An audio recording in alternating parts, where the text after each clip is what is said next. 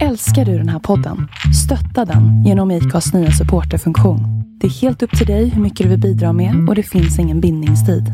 Klicka på länken i poddbeskrivningen för att visa din uppskattning och stötta podden.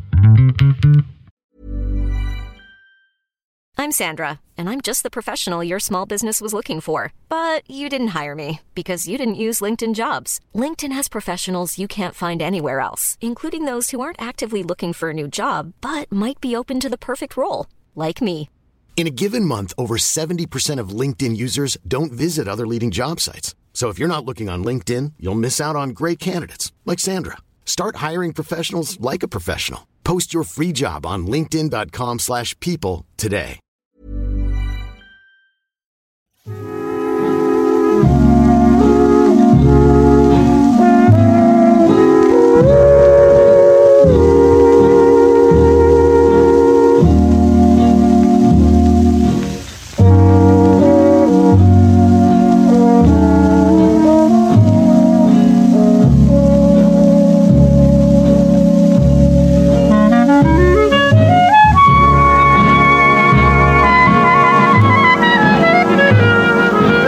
Vi sitter nu i samma lokal som vi satt när vi en gång började för typ två år sedan. Det gör vi inte alls. Vi är i samma lokal. Samma hus menar du? Ja, det är samma lokal. vi sitter i en källare. Vi sitter för övrigt 75 meter från första stället där vi satt. Ja, men å andra sidan har vi suttit här flera gånger och spelat in också. Ja, det har du rätt i. Så att... Eh, Ursäkta att jag hackar på det redan. nej, jag, ska inte förvänta mig något mindre. Och eh, det har hänt mycket de två senaste åren. Jag behöver inte grubbla, grubbla ner oss för mycket i det. Men det är bara ett konstaterande att det, är mycket, det har varit mycket evolutioner på sistone. Ja. Bra, bra Jag ska kommentar. kommentera. Ja, nej, men gör det. Nej, Jag har ju i ett och ett halvt, kanske två år, alltid sagt, nu är jag inne på Iran, det bara- tog bara tre minuter, att 2020 blir ett år för Iran. Och det har det blivit, men kommer att bli ännu mer. Det var Iran, nu tar vi och lämnar utrikespolitiken. Och det har hänt mycket i ditt liv. Så det har hänt en del i mitt tröga 62-åriga liv. Alltså sånt där småttigheter som ändå är lite viktiga. Jag går med gåstavar. jag vet inte om man kan vara stolt över det. Men det gör jag. Till tåget varje morgon när jag åker till Aneby. Nu är det inte säkert att jag åker till Aneby längre eftersom jag har sökt andra tjänster i ämnet spanska. Det är lite med... Jag är inte så duktig på spanska. Jag är tvärtom riktigt dålig. Men jag har läst spanska mest av alla språk, så jag borde kunna det. Så nu ska vi se, det kanske blir spanska på högstadiet. Nej, Men eh, vi är ju ändå, utan att datummärka det här, ganska nära skolstart. Ja, Torde inte det vara klart redan? tänker man? jo, eh, det kan man tycka med viss rätt. Och nu var denna kommun, Ödeshögs kommun, som jag känner lite för. Det är ju en kommun man bara kör igenom på E4. Eller om man möjligen ska åka till Vadstena eller något sånt där, Omberg, så bara åker man igenom Ödeshög. Som för övrigt för en 30-40 år sedan hade en folkomröstning i kommunen, eller någon större undersökning i alla fall, om man skulle byta namn ifrån Ödeshögs kommun till Alvastra kommun. Därför att Ödeshög lät så sorgligt. Det kan man ju hålla med om. Nå, denna Ödeshögs kommun i alla fall eh, har en eh, sista ansökningsdag för denna tjänst i ämnet spanska 9 augusti. Vilket ju är ganska sent med tanke på att barnen kommer ju veckan efter. Så de får väl snabba på sig lite grann där ifall de ska få någon, eh, något resultat. Jag vet inte. Jag är inte så ledsen eller oroad över det med tanke på att det inte är kö till lärartjänster någonstans i hela Sverige. Nej, men du har ju blivit lite kräsen på senare år så att det kan ju bli lite vad som helst. Ja, alltså, kräsen är fel ord eftersom jag gillar att undervisa. Det är det roligaste som finns, ska jag säga dig. Det är det verkligen. Eh, Det är roligare än när du står på en hockeymatch och gapar. Det är mycket roligare att undervisa. Ja, Jag har aldrig gjort det i mitt liv. Ja, Men, men du har stått på hockeymatcher. jo, Ja, allt nog. Eh, men jag har blivit lite laid back och lite så, ja, säger man till rektorn, ja, gör vad du vill. Jag har 35 års erfarenhet och så vidare. Så man blir lite, styv i korken är fel ord, men man blir lite styv i korken. Som om jag inte var där redan innan. Men ja, jag, jag vet inte. Man vill planera upp sitt liv lite grann. Jag tänker att sånt där vill man ha, ha klart. Ja, de flesta är ju sådana. Ja, Jag har ju aldrig varit sån. nej, det, det ska ju tydligt understrykas. Att du är ju långt ifrån gemene man. Eller kvinna. Ja. Eh, Hur säger man det i hen-tider? Gemene man kan man ju nästan inte säga. Gemene hen. Nej, gemene person måste det bli. De, de eh, försöker, de nästan knyter knut på sig själva, alla politiskt korrekta. Eh, Kan man, jag var ju god man för några afghanpojkar. Kan man vara det numera? Det blir ju god person snarare. Ja.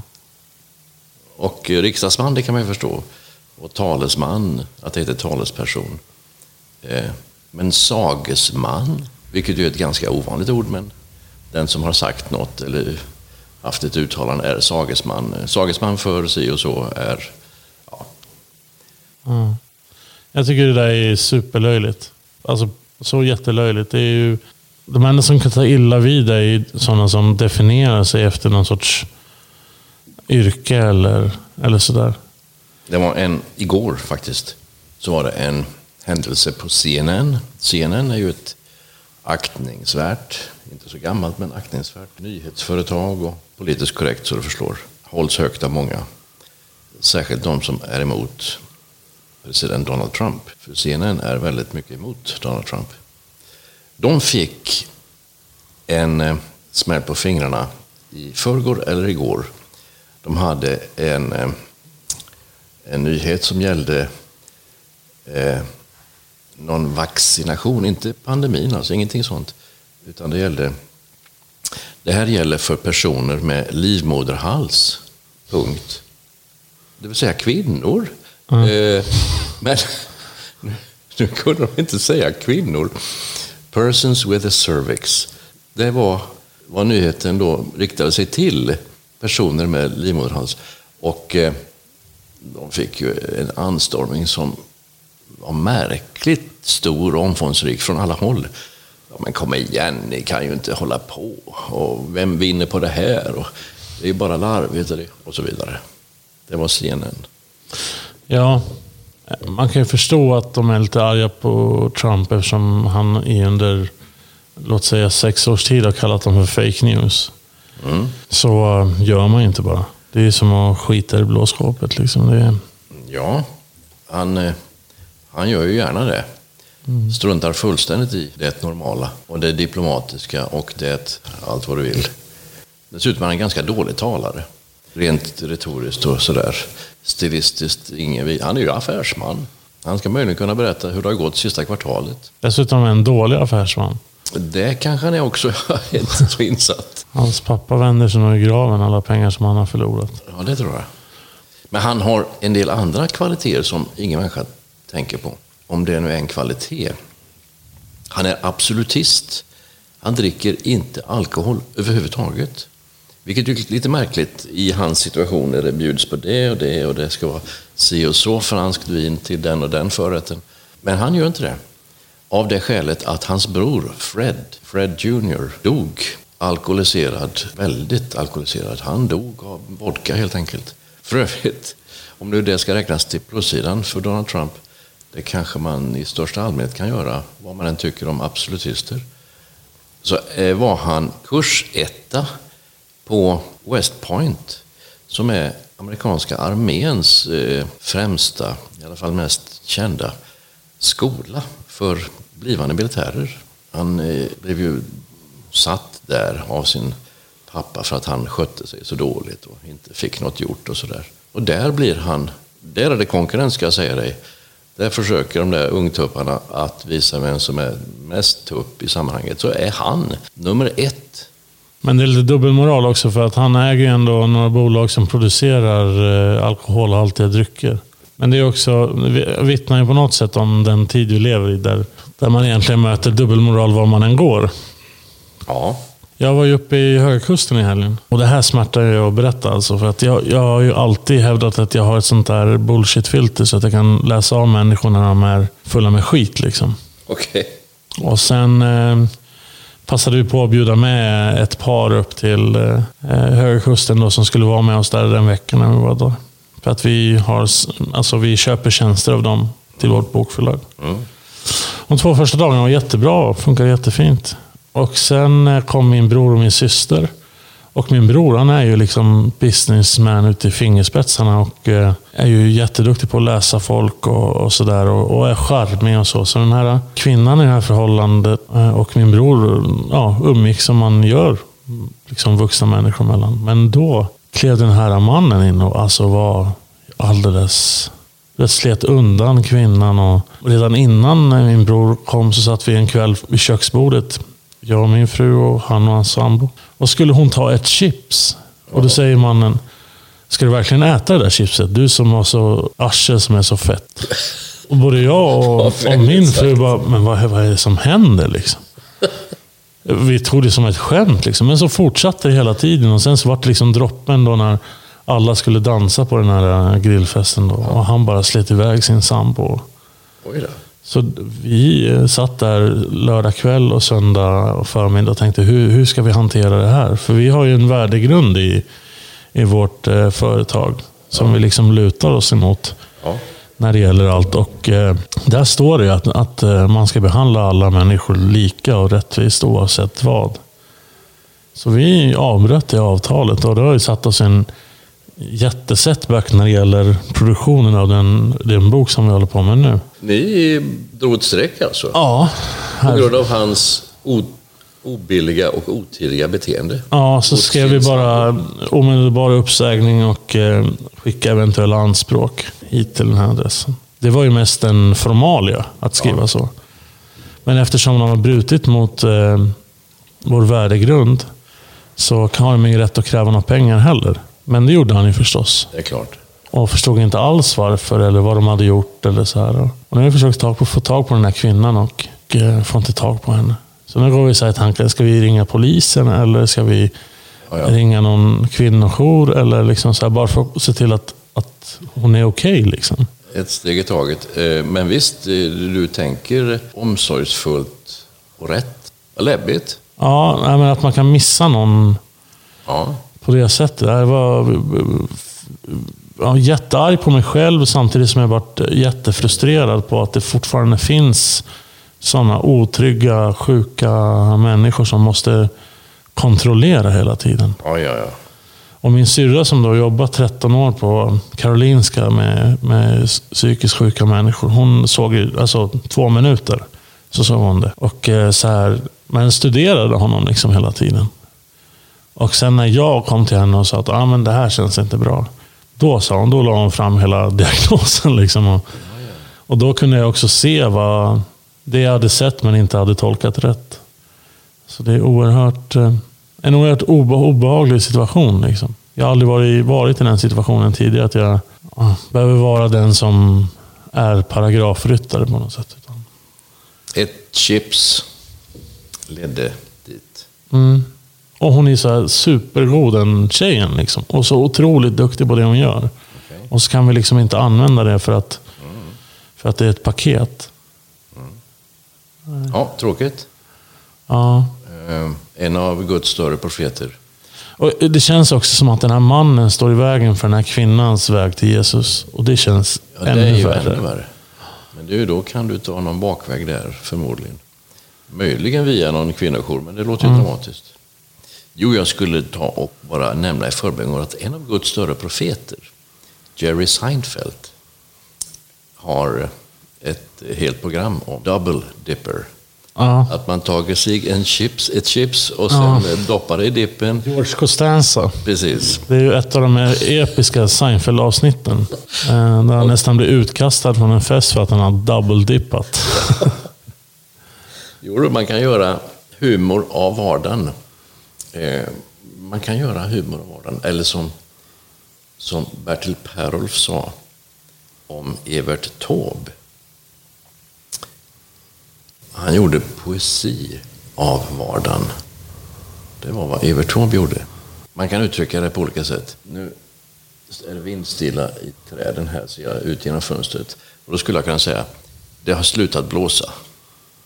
Och det är ju rätt. Och det är vardagligt. Och det är ju så mycket torsdag i november som det kan bli. Alltså det är ju inget roligt alls. Men Evert Taube, han skriver Vinden har somnat i båtarnas segel. Samma sak. Och han gör poesi av vardagen. Ja. Jerry Seinfeld är lite åt det hållet.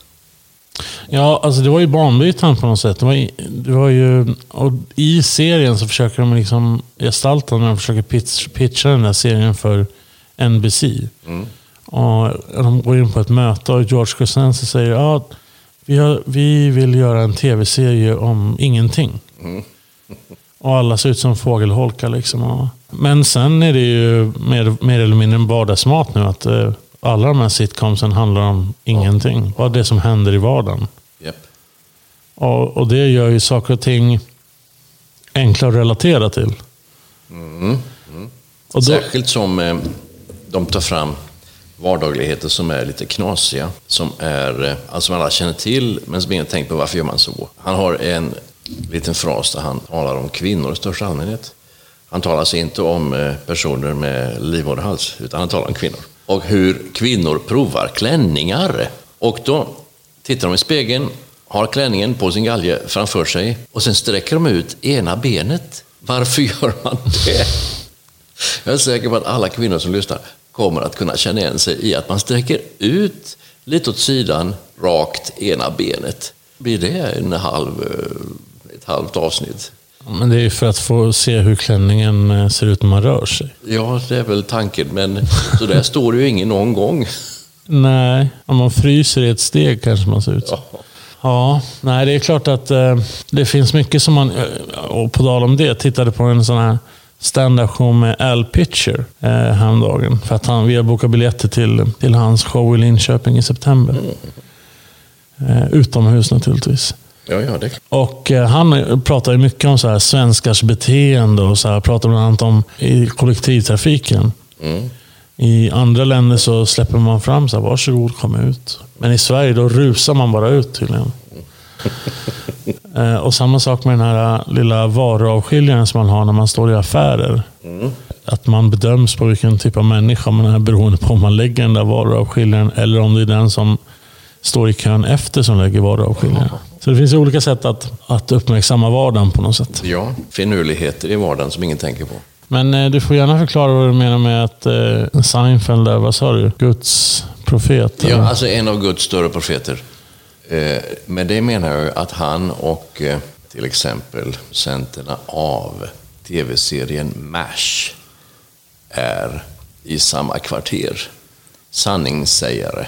Nu, ingen av dem står ju där och pratar om Golgata och nåden och allt det där. Va?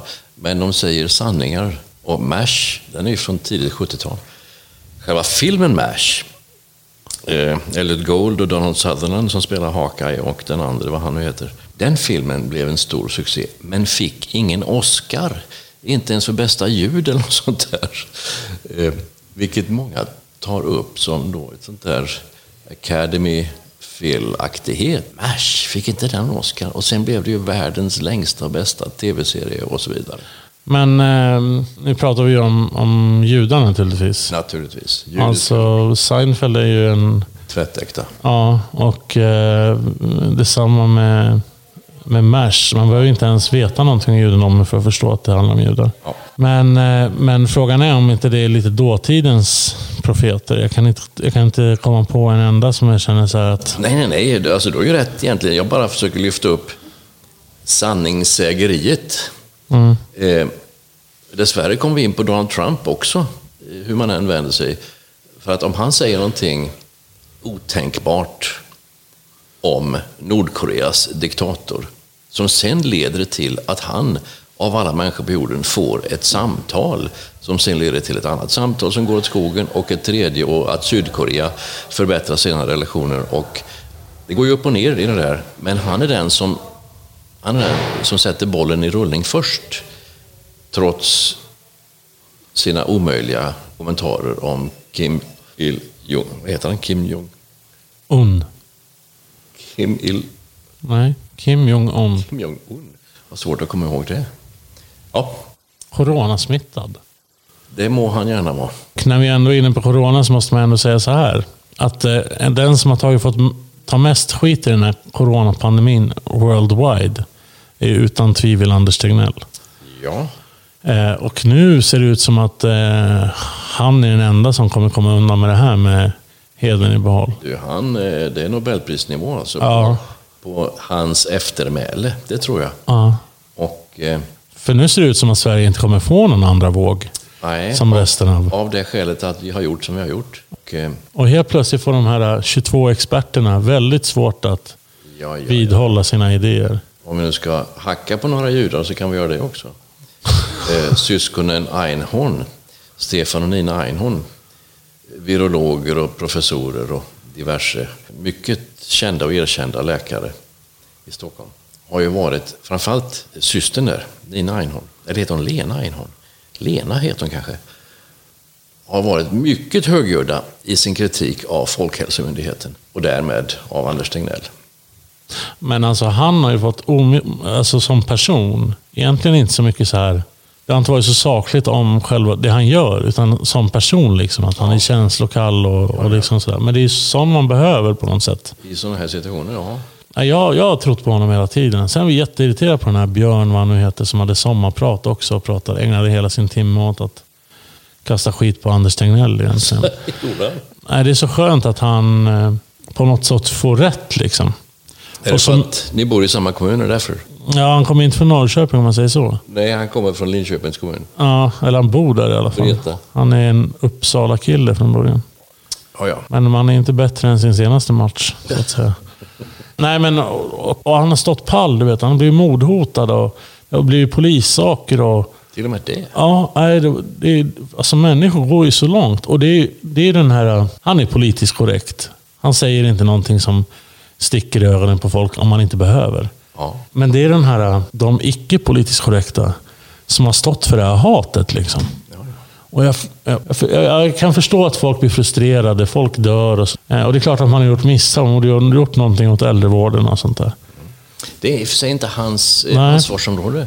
Det är varje kommuns eh, att inte ha allsköns människor som under mycket lösa boliner tar hand om gamla och sjuka och svaga. Mm.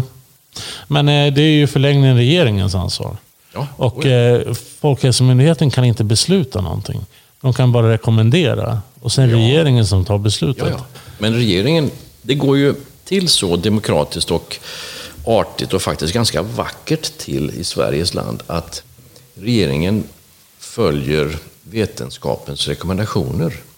Av det skälet att här har vi kompetensen, nu gör vi lagstiftning av det. Eller nu gör vi någon reglering av det här. Det är ingen lagstiftning eller corona, naturligtvis inte. Men eh, de har, de har ju Folkhälsomyndigheten som rättesnöre och nästan som bestämmande enhet, även om det är regeringen själv som bestämmer. Men det, det här har ju visat sig vara en potentiell politisk bomb också. För alla de borgerliga partierna var ju superkritiska mot, mot regeringen. Att ni har handlat fel och ni gjorde ingenting. Och hela den här svängen. I samma veva går Moderaterna och Sverigedemokraterna ut och säger att vi kan tänka oss att regera Sverige tillsammans. Eller liksom med stöd av varandra. Om det sen skulle visa sig då att regeringen trots allt, när man gör någon sorts bokslut om ett år eller så, när det är dags för val. Eller två år till val. Eh, 2022? Ja. Då behöver vi ha en lite klarare bild. Ja, utan tvekan. Undrar om inte Moderaterna har skjutit sig i foten rent Ja, för gott. När man, när man öppet gått ut och sagt att man kan... alltså Stefan Löfven, i den mån han vill fortsätta vara statsminister, kommer att kunna dra nytta av det sätt de har handlat på. Det är inte bra när det blir politiskt i den här bloggen. Bloggen, i den här podden. Alltså, vi, vi är politiska bara vi sitter ja, och eh, frågar varandra om det blir vackert väder nästa vecka. ja, och det är ju inte... För då riskerar man att eliminera människor snarare än att bjuda in dem. Ja, ja, det är riktigt. Eh, Så det ska vi nog hålla oss ifrån. Men, men det går ju samtidigt inte att eh, särskilja när hela världen drabbas av en pandemi och, och sen eh, någon politisk skiljelinje där. Jag fick en eh, amerikansk kommentator som jag lyssnade på häromveckan nämnde om just Sverige. Eh, siffror han fått någonstans ifrån, kanske från Folkhälsomyndigheten, jag vet inte. Att under 65 år eh, av samtliga som har då blivit infekterade, drabbade, coronainfekterade, så var chansen till överlevnad 99,96 procent. Ja, det är ju helt fantastiskt. Du vet, det är ju farligare att gå över gatan. Det var under 65. Sen hade han andra motsvarande siffror och över 80 och så vidare så var chansen fortfarande ganska hög, men det var en sån här 15 procents dödlighet. Vilket ju är mycket. Mm. Men det är alltså i en liten del av befolkningen, 80 och uppåt. Och sen eh, får man ändå, det låter jättemycket, men man måste ju ändå tänka på att dödligheten är rätt hög redan Ja, ja. innan i den åldersgruppen. Så att, nu har det varit jättemycket debatt kring huruvida eh, man ska få, eftersom man får ha fulla flygplan och man får ha fulla tåg och man får ha fulla restauranger och, och allt sånt där. Om, Från med när? ja, men det har ju pågått hela sommaren. Ja, ja. Och det händer ju ingenting även fast de bryter mot de där lagarna egentligen. Och då har ju Kultursverige gått ut och, och verkligen sågat den här Amanda Lind som är kulturminister ja. Längs fotknölarna. Att varför, varför vill du förstöra möjligheter för kulturarbetaren att leva medan du är öppen för att... Eh, Och Jonas Gardell och Lin- Lina Hedlund, tror jag heter, gick, ut och skrev en jätteaggressiv. Som hela artist-Sverige bara säger ja, det är klart. Och det enda jag tänkte var så här, era giriga jä... Alltså, eh, att pengar kan vara en sån otrolig drivkraft. Ja, liksom. ja, ja. Det, det är är inget fel på pengar, men bibelordet i fråga är ju att kärleken till pengar är roten till allt ont. Inte pengarna själva, utan kärleken till pengar är roten till allt ont. Ordspråksboken eller Psaltaren, jag minns inte vilket. Ordspråksboken. Och sen det där med kamelen genom nålsögat också. Att man är så otroligt snål och inte delar med sig och liksom hela den grejen. Jag har ju en son där hemma som är så otroligt kär i saker. Saker spelar så otroligt mycket roll för honom. Inte så konstigt för en pojke som är 11 år, Ja, inte ens elva. 10. Och eh, då började jag prata med min fru. Så här, men vad beror det här på? För hon är ju inte sån. Och då berättade hon någon sorts anekdot om, om indier generellt. Att många som har tagit sig, har kommit från fattigdom och sen Ja, ja. lyckats med någonting. Och att de har den tendensen i sig. Ja, det är klart. Eh, för man är så otroligt rädd. Och det kan man ju förstå i den generationen. Säg de som är 40 plus. Men att det sen smittas ner till de som är 30 år yngre. Som lever ett tryggt liv i Sverige. Ja, du vet, det fattar inte jag. Ja, men alltså då skulle de vara nöjda och belåtna med att tur att vi har elektricitet i vägarna, tur att tågen går och att vi har asfalt på vägarna. Eh, Det är ju ingen tioåring som tänker så. Nej, men det är, nej, det är ju extremt åt andra hållet istället.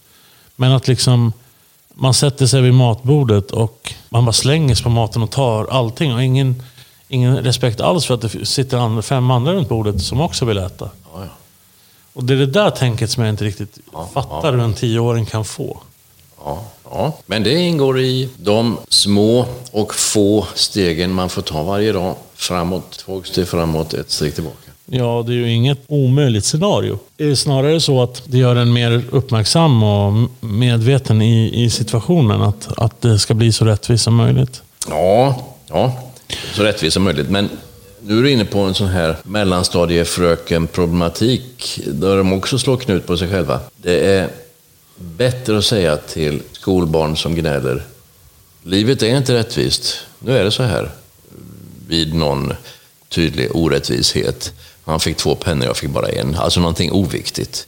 Inte någonting som påverkar deras nattsömn eller liv i största allmänhet. Men han fick, ja, ja, ja, livet är orättvist. Nästa gång är det din tur. Så säger ju inte någon politiskt korrekt, utan försöker resonera fram till någon acceptans. Det går inte med barn. Man kan inte... Jag ska föra en erfaren pappas visdom. Eh, lyssna nu, jag har sex egna barn. och en handfull afghanska barn. Barn förstår inte alternativ. Och det är alltså från det att de lär sig gå upp till tonåren, skulle jag nästan kunna sträcka mig. Då har du den här situationen. Vad vill du ha, ost eller pricka korv? Frågar man ett barn när vi ska äta kvällsmat någon gång. Pricka korv. Och så gör man i ordning en macka. Jag vill ha ost när mackan är färdig. Mm. Det är det ena. Finns exempel på det varje dag i alla hem som har barn. Så här ska du gå tillväga istället. Nu ska vi se. Här ska du få prickig korv. Den här ser du. Och så har man då distraherat bort ett eventuellt val. För barnet i fråga förstår inte alternativ eller finessen med alternativ. Utan om jag då istället, den här korven, den kommer ifrån, och så gör jag en liten grej av det. Den kommer ifrån den affären där du aldrig har varit. Minns du den när vi körde förbi? Och så plötsligt så är det långt borta från själva valet. Utan han sitter där och tuggar på sin macka medan jag berättar om den där affären med gul tegel. Inte den som ligger här, utan alltså någonting helt oväsentligt. Men ett sätt att distrahera, föra bort rätt fokus. Eller ja. föra bort till ett eh, riktigare fokus. Men det där är ju en sak. Ja. Och det är ju helt eh, rätt alltså. Man ska ju aldrig ge ett barn ett alternativ som man själv inte på något sätt är villig att hantera. Men det, här, det andra, det jag pratar om, det är något annat. Att förstå att, att eh, allt är inte för mig. Ja, det är klart. Eh, då, då, blir det något. Men eh, det där också, det där lärde jag mig nog för flera år sedan. Att man bör leva livet med barn så enkelt som möjligt. Alltså att, mm. Och lägger man till alternativ, då... Nej, då komplicerar du situationen. Då, då är det bara att hoppas att man är där för att träna tålamod. För annars ja. så rycker det mesta faktiskt. Men ja, jag har inte stött på ett barn som är så rädd att, att bli utan. Som, som, som min son här. Så att, ehm, det, och det, är, det är också en väckarklocka som vuxen att, att ehm, på något sätt förmedla det i vardagen. Att, det finns en del att göra där. Ja, att det här kommer inte ta slut. Hörru du, ehm, har du något snitsigt att avsluta med? Eh, det har jag naturligtvis inte. Eh, du kommer ihåg, vad var det vi sa alldeles nyss? Du kommer ihåg det här när man går långsamt fram i livet, två steg fram, ett steg tillbaka. Det är ju ingen som vill. Man vill bara gå fram naturligtvis. Du är duktig på att laga mat. Du är kockutbildad Tony. Och så vidare. Jag har ätit din mat med glädje och med tydlig påverkan på min kropp. Jo, så är det. Och eh, det där är ju, alltså att vara kock det är ju det är manligt så förslår. Men att laga mat är ju kvinnligt eftersom kvinnor i hela världen lagar mat.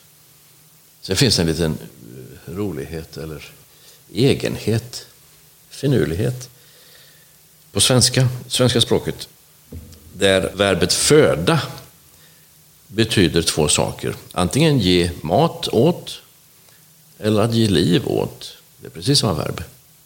Att föda.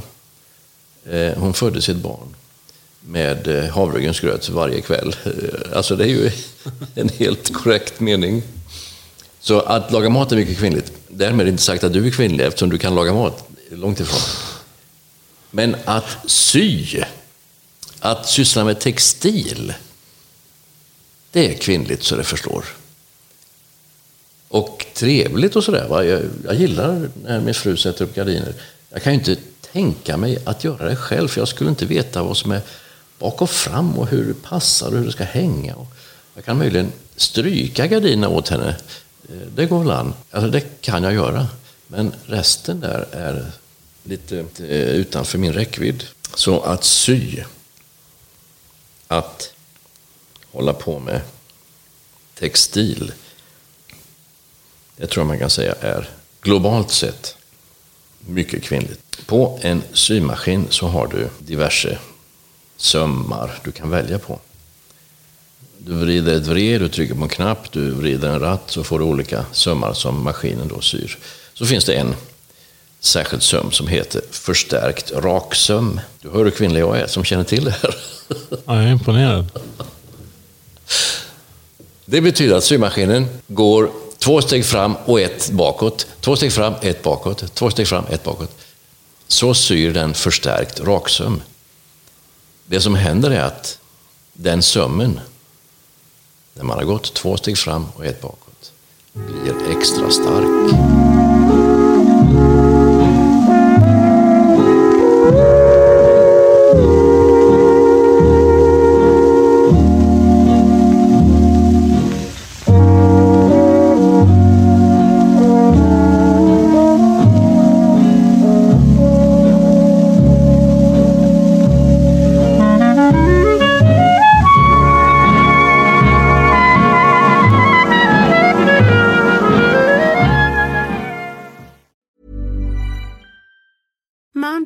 The best, and there's no better place to shop for Mother's Day than Whole Foods Market. They're your destination for unbeatable savings, from premium gifts to show-stopping flowers and irresistible desserts. Start by saving 33% with Prime on all body care and candles. Then get a 15-stem bunch of tulips for just $9.99 each with Prime. Round out Mom's menu with festive rosé, irresistible berry chantilly cake, and more special treats. Come celebrate Mother's Day at Whole Foods Market.